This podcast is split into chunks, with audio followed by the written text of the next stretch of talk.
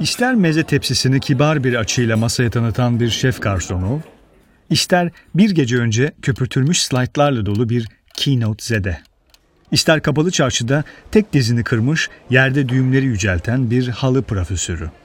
Bir yerlerde bir şekilde bir şeyler sundun ve sunmaya da devam edeceksin. Belgesellerde dişisine kur yapan kuşlara denk gelmişsindir. Al işte sunum. Uçağın koridorunda dans figürü gibi acil çıkışları gösteren kabin görevlisi de sunumda. Öyleyse hayat bir sunum azizim diyor ve bugün sunum sanatından bahsediyoruz biraz. İş dünyasında sıklıkla düşülen bir hata, sunumun ekrana yansıttığın dikdörtgen içinde olduğu yanılgısı. Sunum sensin güzel kardeşim. Senin sesin, cümlelerin. Bir o kadar da ellerin, kolların, başının açısı ve tabii ki ses tonun, enerjin, titreşimin. Yani diyeceğim o ki ekrana yansıttığın hem çok önemli hem teferruat. Bazıları doğuştan iyi sunuculardır. İyi sunucu iyi bir hikaye anlatıcıdır. Aynı fıkrayı birkaç kişiden dinlerken bulmuşsundur kendini. Heh, o aradaki farktan bahsediyorum. Biri kahkahadan yere yatırır, diğeri tavana baktırır. Tavan grubu panik yapmasın, İnsan hemen hemen her şeyde olduğu gibi sunum sanatında da kendini pekala geliştirebilir. Bir insan nasıl daha iyi sunum yapar? Bu öncelikle iyi bir içerikle başlar. Sonda onunla ilgili birkaç tüyo vereceğim ama şimdilik elinde güzel bir maden olduğunu varsayalım. Sunum anı geldi, odaya girmek üzeresin.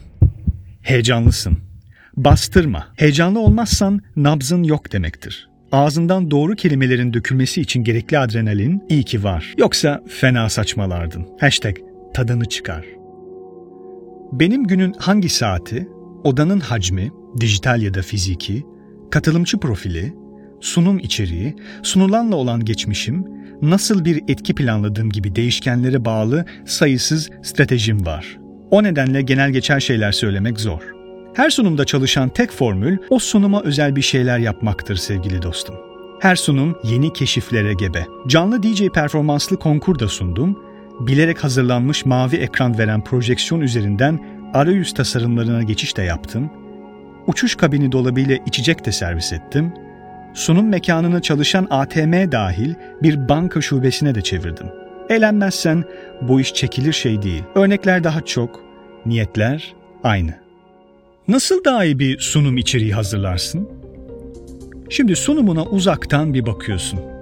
Eğer slaytlardaki cümleler sunumu sen değil de onlar yapıyormuş gibi hissettiriyorsa çıkarmaya başlıyorsun. Şu an sen bir heykeltıraşsın ve dev bir mermer bloğuna bakıyorsun. O şahane heykele ulaşmak için fazlalıklardan kurtulman gerek. Uzun cümle ihtiyaç var mı? Yok. Gitti. Tek slaytta 8 tane bullet point gitti. Anlattığın konuyu çarpıcı kelime öbeklerine indir. Hatta ideal olarak tek bir kelimeye. Hatta tek kelime de neymiş? Belki bir görsel üzerine konuşmak istersin. Şimdi bir fotoğraf alana bin kelime hediye misali. Asla ve asla hazır template kullanma. Demek isterdim ama kendini tasarım konusunda rahat hissetmiyorsan güzel bulduğun bir yapıyla başlayabilirsin. İyi bir sunumun gizli kahramanı iyi tipografi kullanımıdır. Kullanacağın yazıları hangi yazı yüzü veya genel adıyla font ile yazdığın o kelimelerin içeriği hakkında izleyene ilk intiba bırakacak şey olacaktır. Tipografi bir bıçak gibidir. Dikkat etmezsen kendini yaralarsın. Ama doğru kullanırsan mükemmel yemekler yaparsın. Yıllar sonra bile bir sunum tasarlarken en çok vaktimi alan şey hala yazı yüzü seçimi oluyor. Bunun zamanla değişeceğini de hiç düşünmüyorum. Hayatımda binlerce yazı yüzü var, iyi ki de varlar.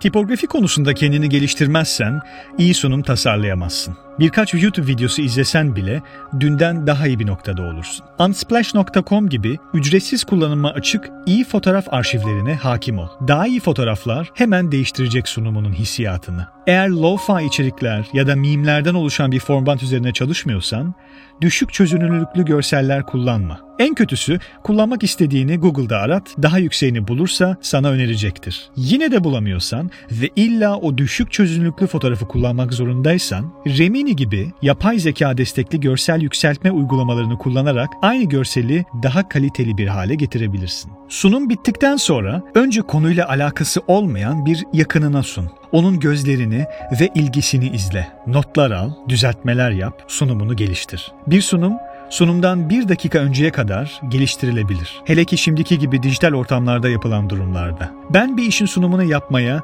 işin başında başlarım. İşin kendisi ve sunumu paralel olarak gelişir. İş sunumda anlamlı durmuyorsa gerçek hayatta anlam kazanmaz. İyi bir sunum vakit alır. Guy Kawasaki'nin hayatımda hiç uygulamadığım ama denemeye değer gördüğüm 10-20-30 kuralı var. Buralara kadar dinlediysen bu küpede diğer kulağına. 10 slide'dan fazla koyma. 20 dakikadan fazla uzatma. 30 puntodan daha küçük yazı yazma. Ha bu arada daha fazla yardıma ihtiyacın varsa yaz bana.